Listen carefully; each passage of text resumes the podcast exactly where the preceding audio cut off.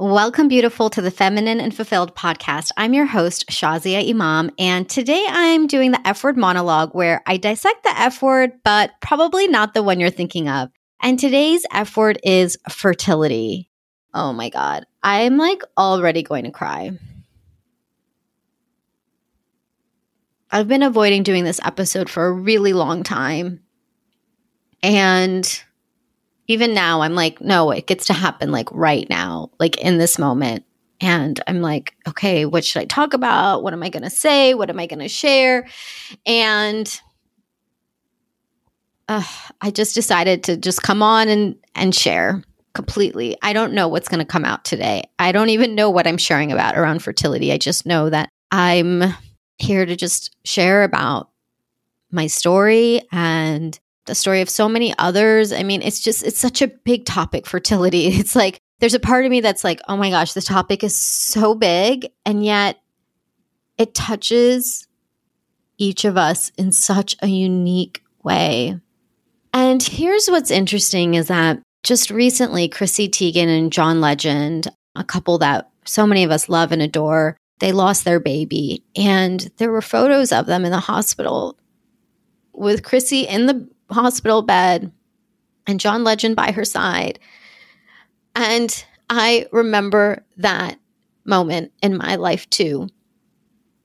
That exact moment of lying in the hospital bed with your baby.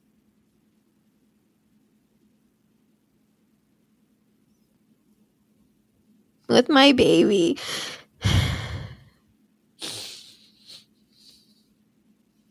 That you're not going to get to take home.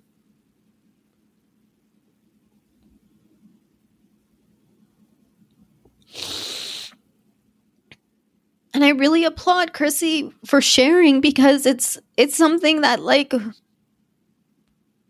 nobody ever shares because nobody wants to see those pictures. Nobody else wants to see those pictures. And yet those moments are so precious.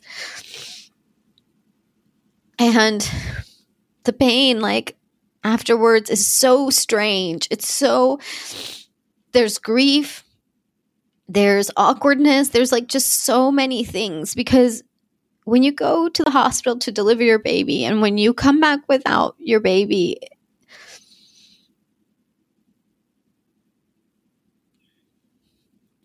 there's so many pieces. So I'm going to take you guys through those pieces today and you're just going to be a witness today. You know, part of me is like, okay, Shazia, hold it together. Okay, you've got to, you know, share and make it, you know, impactful for the person listening. And it's like, you know what? Today I'm just going to share my journey and I may share the journey of others and I may not. I don't know. We'll see where this goes. So I'll take you guys back to that moment when I was in the hospital and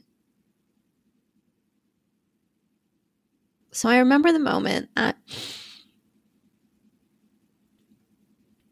we had gone to the hospital. I had been in a lot of pain and I didn't know what was going on. And the doctor's office wasn't open. And they just, when I called them on the emergency line, they just said, you know, go to the office when it opens up.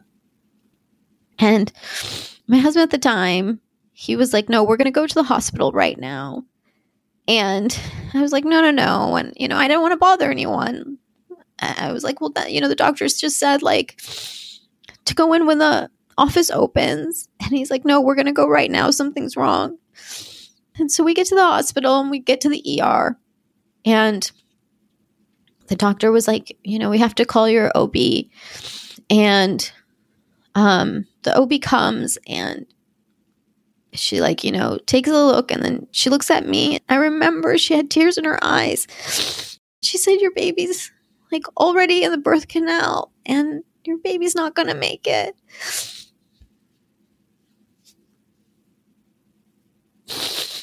And she said, and I, I don't know how your baby's going to come out because you're 20 weeks and um, it's possible that your baby could come out in pieces and we don't know so we're going to see but you're you're in delivery you've been having contractions and i didn't know it was my first pregnancy and i just remember holding my husband's hand and just like we put our heads together and we just cried. And so we went into the delivery room and they did all the things. You know, I got an epidural and we got ready. And I delivered. I delivered in in one push and and out came out my beautiful Chotu Sonu, which means little love. And he was so perfect and he, he was in one beautiful body. And I held him. They gave him to me right away and I held him and he was so little and he was so beautiful. It just his little fingers and toes and like it's just his cute little nose and i just remember holding him and he was so so cute. And my husband when he held him he just was like he fit into the palm of his hand. And we got to spend some time with him. He was born alive and that was a miracle too, because, you know, the doctor said she didn't know. And so I feel like we got this miracle where we got to spend some time with him. And when a baby is that little, there's nothing that they can do because everything is just not developed enough. Like the cutoff mark is 23 weeks. But at this point, like, there. their soul is in them. They're a little baby, they're just little. He was so perfect. And so I'm I'm just so grateful that we got to hold him and that I got to spend time with him and he was so cute. And I don't know exactly the moment he passed away. And I don't think it actually really matters but he probably passed away maybe after about an hour. And in that time, we just enjoyed, we enjoyed our time with him. And things after that were kind of a whirlwind. My mom was traveling at the time and she had gone to actually visit my khala, her sister, who her husband was passing away at the same time. And so she had gone to be there with her sister and it just it was a whirlwind. We flew her back in that same day and it was just like so many moving parts and so many people coming to visit in the extended family. And there's this post that one of my friends and she's one of the um the co-host of Mommy and Wild Muslim and she wrote this post about how she's been in a room when a mother has lost her child, and then you hear the grandmother wailing. And the way that she wrote this post, like the words she used, I was like, wow, nobody's actually ever captured like that moment where like I was almost like in a just a shock. And then when my mom came in and she saw her little grandson like and she just cried and cried and cried and like literally yeah she wailed. And i just i remember just feeling like gosh what has happened? And i felt like i had just disappointed her and hurt her so much and i'd hurt everybody else. And i didn't even have space to even feel hurt myself. I just didn't know like what was happening and so i didn't expect to tell you guys this like long story today but I'm just going to take you there because I know that somebody listening right now is just going to like understand or feel really heard right now that it's important that we talk about this, that I talk about this. So, whew, so yeah, things were a whirlwind. The funeral was the next day. My husband at the time, he took care of everything. And I just remember just things being a daze. And for me, I think, I don't know if it was shock or it was like, I just had this knowing very early on. I just had this sense that when people say that your child goes to heaven, I just believed it in my heart of hearts. And so when I saw my little Chotu Sonu in the casket, it just it didn't seem real anymore. It didn't seem like this was him. Cuz I didn't feel like he was there. He wasn't in that body anymore. His soul was in heaven. And it was almost like just going through motions. It was like going through motions and and I don't know, everything just got taken care of. Like I I don't know all the details around that time. Just things got taken care of. People were like in and out of the house and just I was so taken care of. And there's a beautiful friend of mine, Aisha, who just she came almost every day and she would just like come and kind of just take care of things and like sit with us and I was just really quiet for a long time. And I had some like medical complications afterwards, and I was back in the hospital like a month later and bleeding out. And it was just, it was a lot. It was a lot. And I don't need to tell you all of the details around that. But it was just a really, really, really, really, really difficult time in my life. And you know what's really hard about it is not that like i'm like oh i miss i miss my Chotu Sonu and i wish he was with me. I mean i do and i think about him every day but i know he's with me and i know he like snuggles up in me and i know he always is around saying mommy mommy mommy like you're doing great you got this like anytime like i feel like i don't know or feeling like any tiredness, I always feel his love and his energy, like literally from the heavens. Like I feel him with me saying, Mommy, you can do this. And so I have this like beautiful relationship with him. And it's one of the things that the hardest part for me has been like not being able to share it and not being able to say it out loud. Because it's always or it has been awkward for so many people because people don't know how to deal with grief and death, especially. And when you've been through loss, there's something that you just understand that, yes, it's very painful. It is so painful.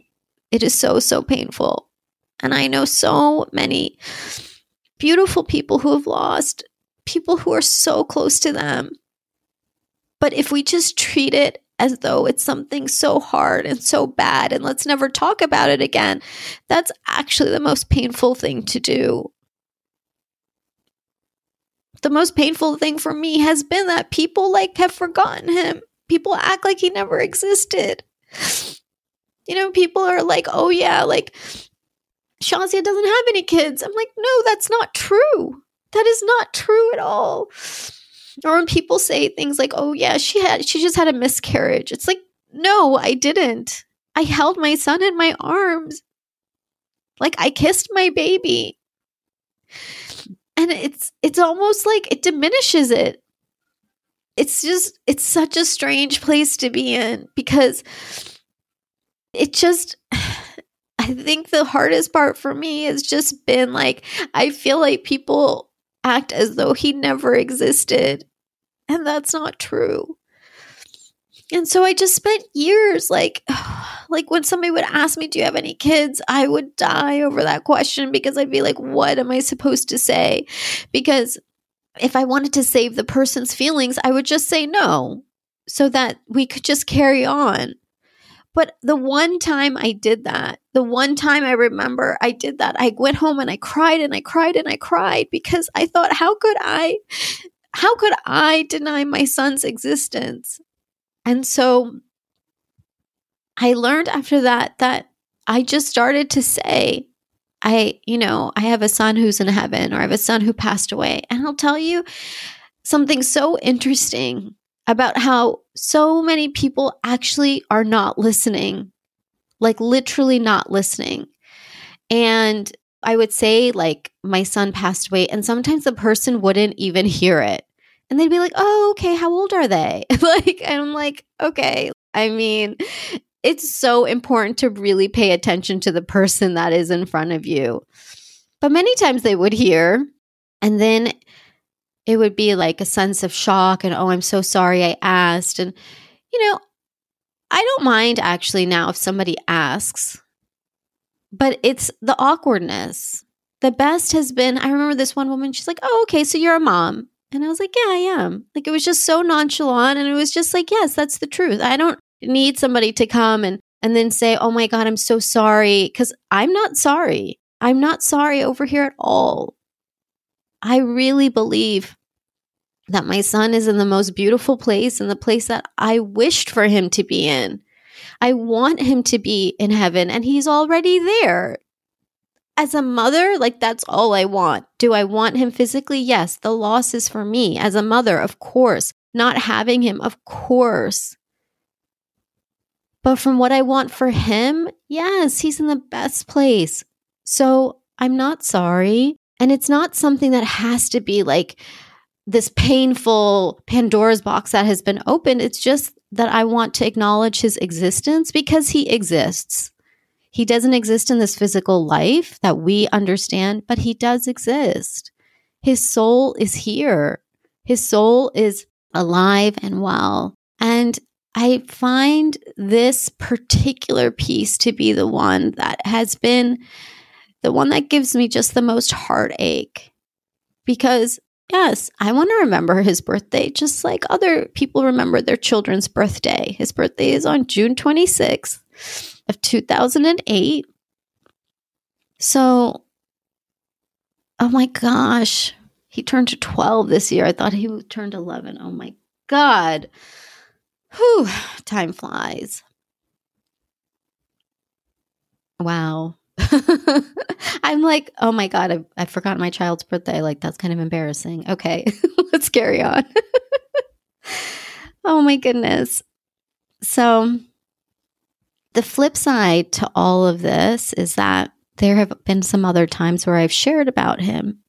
And then the woman I'm talking to on the other side will say, I had a child too that I lost. And I remember this one particular conversation. I was in Malaysia at a spiritual retreat called Rihla.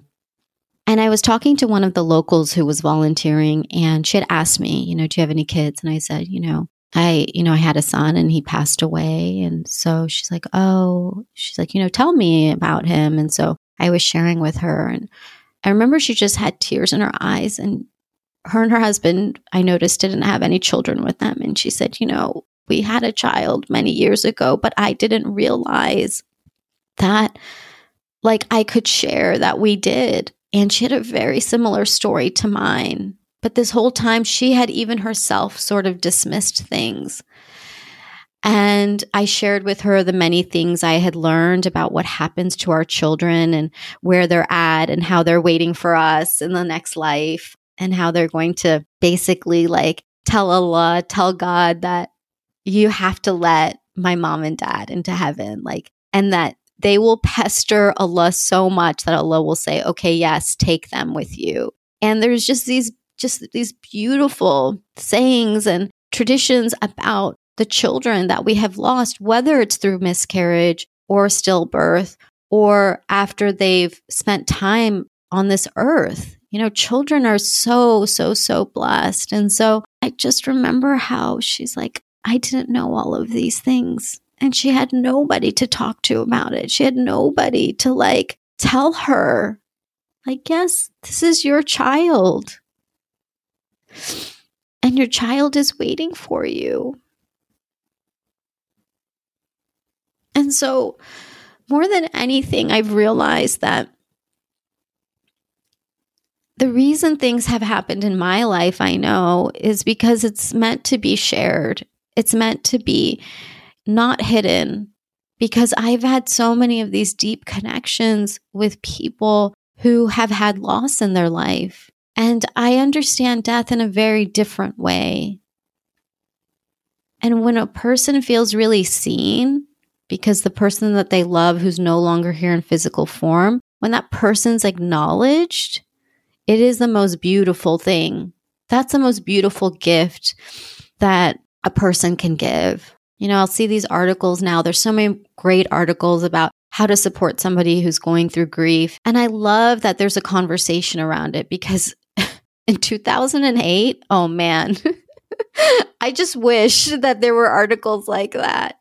And people did their best. I will say that when I was going through my grief, people did their best. The only thing that hurt the only thing that hurt was when somebody didn't say anything at all. And what I've noticed now is that, you know, if somebody shares with you about somebody who's passed away in their family or they mention a late relative, I always ask about them. Oh, what were they like? Tell me about them. What did you love? What's a great memory that you had? And people always smile and then they share and they're like, thank you for asking. Because nobody's asking to, for you to feel sorry for them. Nobody wants to like have to relive a pity because you feel bad. I'm not talking about you in particular.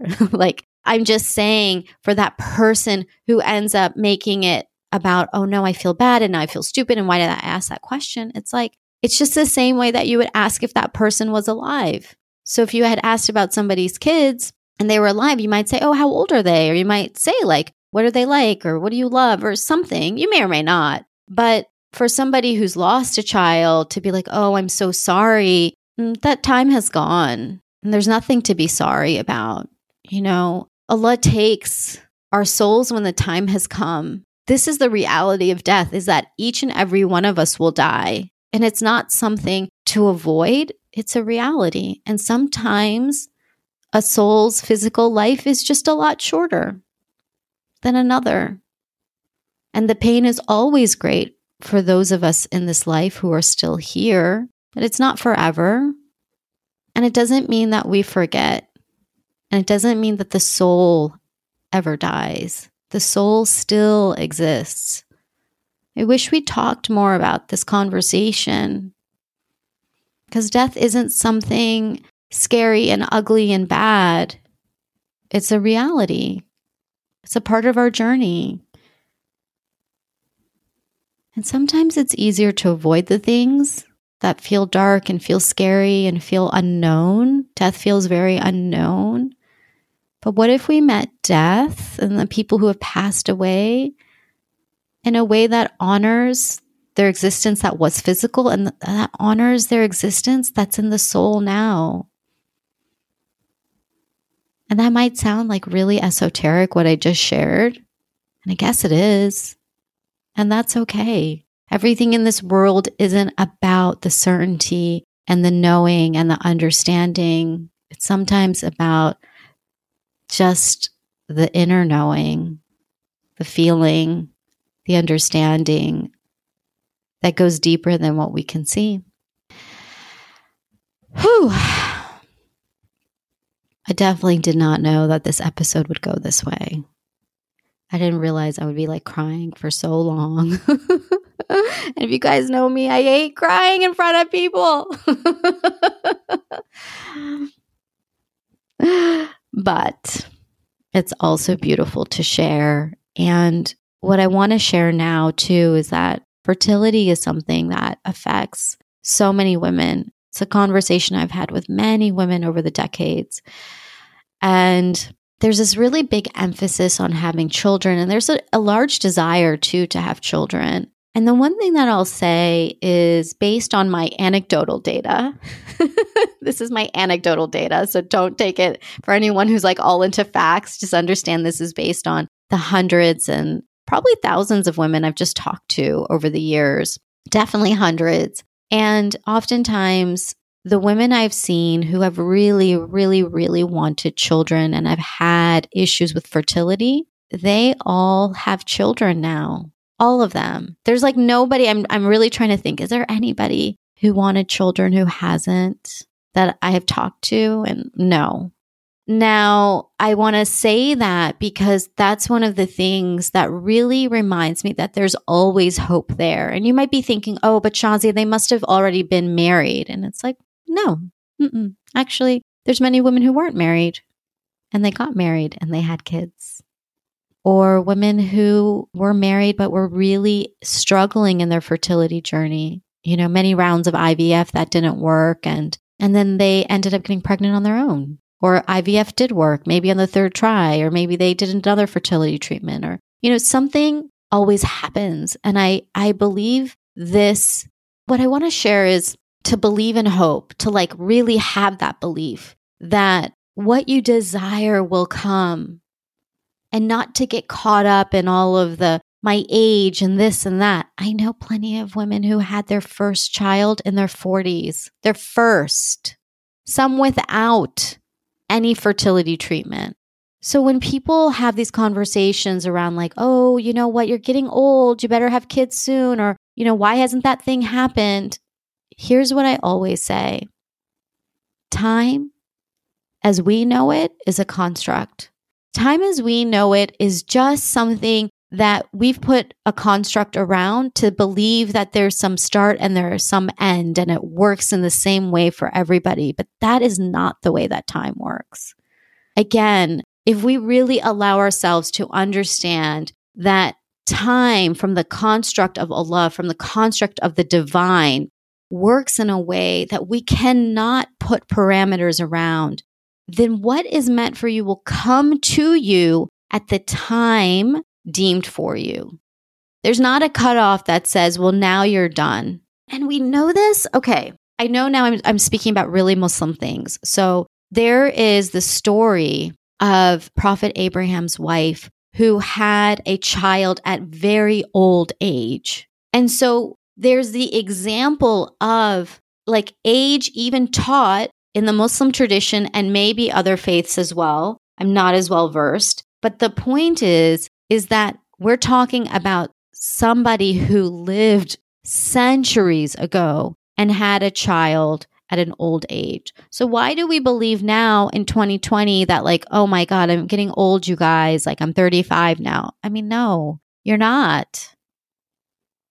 I have seen people get married and have children within a year of thinking that they're too old. If you let go of this time construct and instead allow yourself to be surrendered to what is meant for you, that the divine has already planned for you, and you believe in the miracle of life in it of itself, then it does not matter your age. It doesn't matter where you're at in terms of your relationship status. If a soul is meant to come through you, then it will come. And this is the thing too. It's not as though I bore a child like, you know, my Chotu Sonu is not mine. He's somebody who came through me, that the divine chose to send through me, this soul that I got to connect with. But did I create Chotu Sonu? No. My womb housed him. He grew with me. We talked. We chatted. Oh my gosh, he was so cute in my belly and he was so cute in my arms.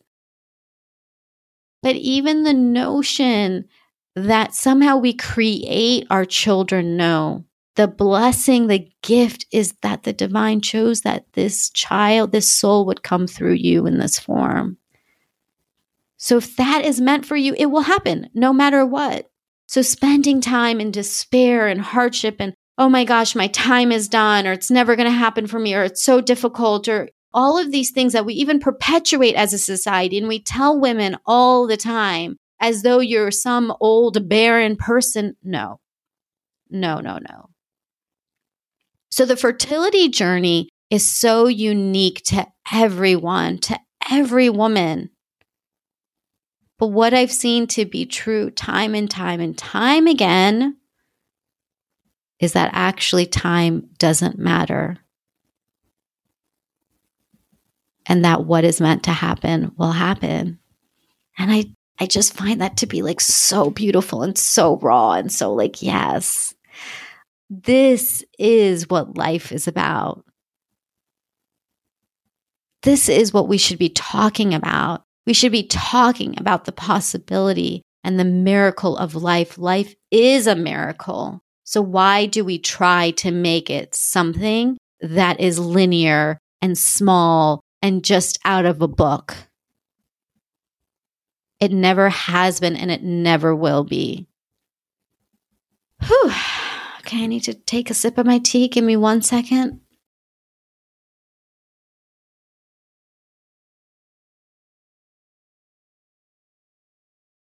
So I can hear somebody asking right now, Well, Shazia, then what about you? you haven't had any more biological children since. And I'm going to tell you something that is also very not traditional and out of the norm, but I'm going to share it here.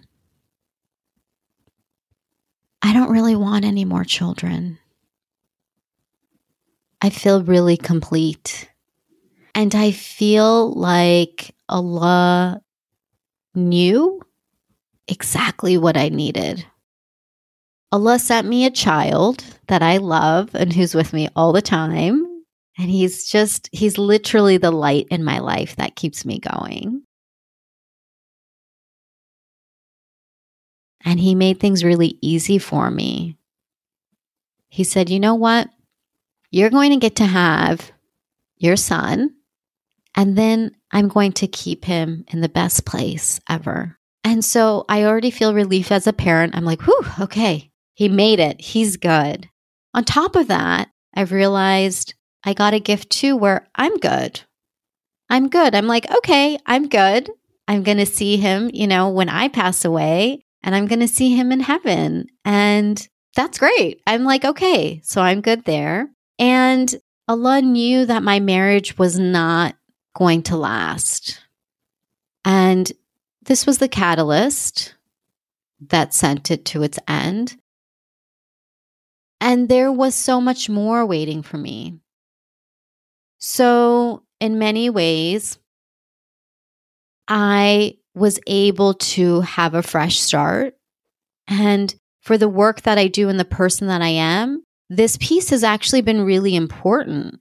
I have been able to continue, to continue my life. And I meet a lot of women who are single moms, and my heart goes out to them, really, truly. And they always share with me that even in the worst of relationships, they say my kids are my greatest gift. And so Allah always does everything in this perfect way. Like I'm just always in awe of because there's always perfection in the way that somebody's life journey continues. And so for me, I wasn't meant to continue to raise a child. And when I got married again, I got a bonus daughter. And I got a bonus daughter who I'm just really lucky because she's really good.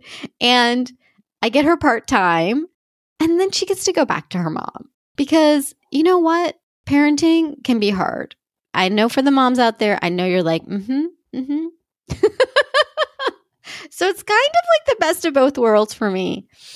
And I got to this point in my life where I was in a lot of agony because I felt like I should have kids. When Antonio and I got married, I'm like, okay, I should have kids, but I didn't feel like so drawn to it. And Antonio also felt really good. You know, he has Nasima and she's wonderful. She brings so much light and life in our lives. But we were both just very open. We were very open about if it happens, it happens. And if it doesn't, it doesn't. And I still really feel like that. I'm not saying no to children. If if I get pregnant, great. Like we'll raise a child together and we'll figure it out. And then I'm going to be calling some of you crying, like, please tell me how to parent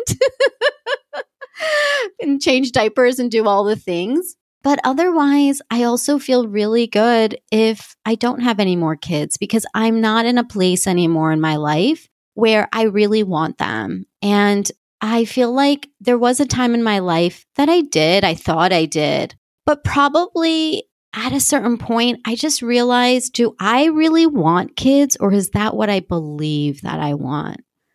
And that was a hard conversation to have. You know, I had some friends who were really adamant about like, children are the best thing, do whatever it takes, and you'll never feel love like you do for your children. And I'm like, but I know I have that. Like, I have that for my Chotu Sonu. Like, I'm good. I feel like sometimes that I have been blessed with having all the things, all the things, but in such a unique way. And so at this point in my life, like, no, I don't really want children. But I'm not I'm not stopping anything, you know. This might be TMI. I'm not stopping anything, but I haven't gotten pregnant and we've been married 5 years now. So unless I really want to take things to a fertility route of looking at fertility options, I don't think anything's going to happen. And again, who knows? The miracle of life lies with the divine and not with me. I just know for me, I'm at a place where I had made an appointment with the RE, the reproductive endocrinologist, to start looking at fertility options. And then I canceled the appointment because it just made me like not feel good. I'm not ready to do that myself. I know that it takes so much commitment and you have to really want children to go down that road. And if neither my husband and I are in that place of like, oh, yeah, we really, really, really want kids, then I'm not ready to put myself through that. So for me, I believe that if I'm meant to have another soul come through my body, it will. And I will be over the moon. And if it doesn't, then I know that my work in this world is with so many beautiful souls like you, beautiful, listening right now. I almost feel like my energy and my work is meant to be in guiding and showing other women that you can also have the most beautiful life, no matter your circumstance, no matter what your family looks like, your fertility looks like. You know, there's so many things that we define ourselves as a woman. And what would it be like to just say, I'm me. I'm me. I'm not defined by whether I have a child or not. I'm not defined by whether or not I have a man in my life. I'm not defined by whether or not, you know, I have a certain career.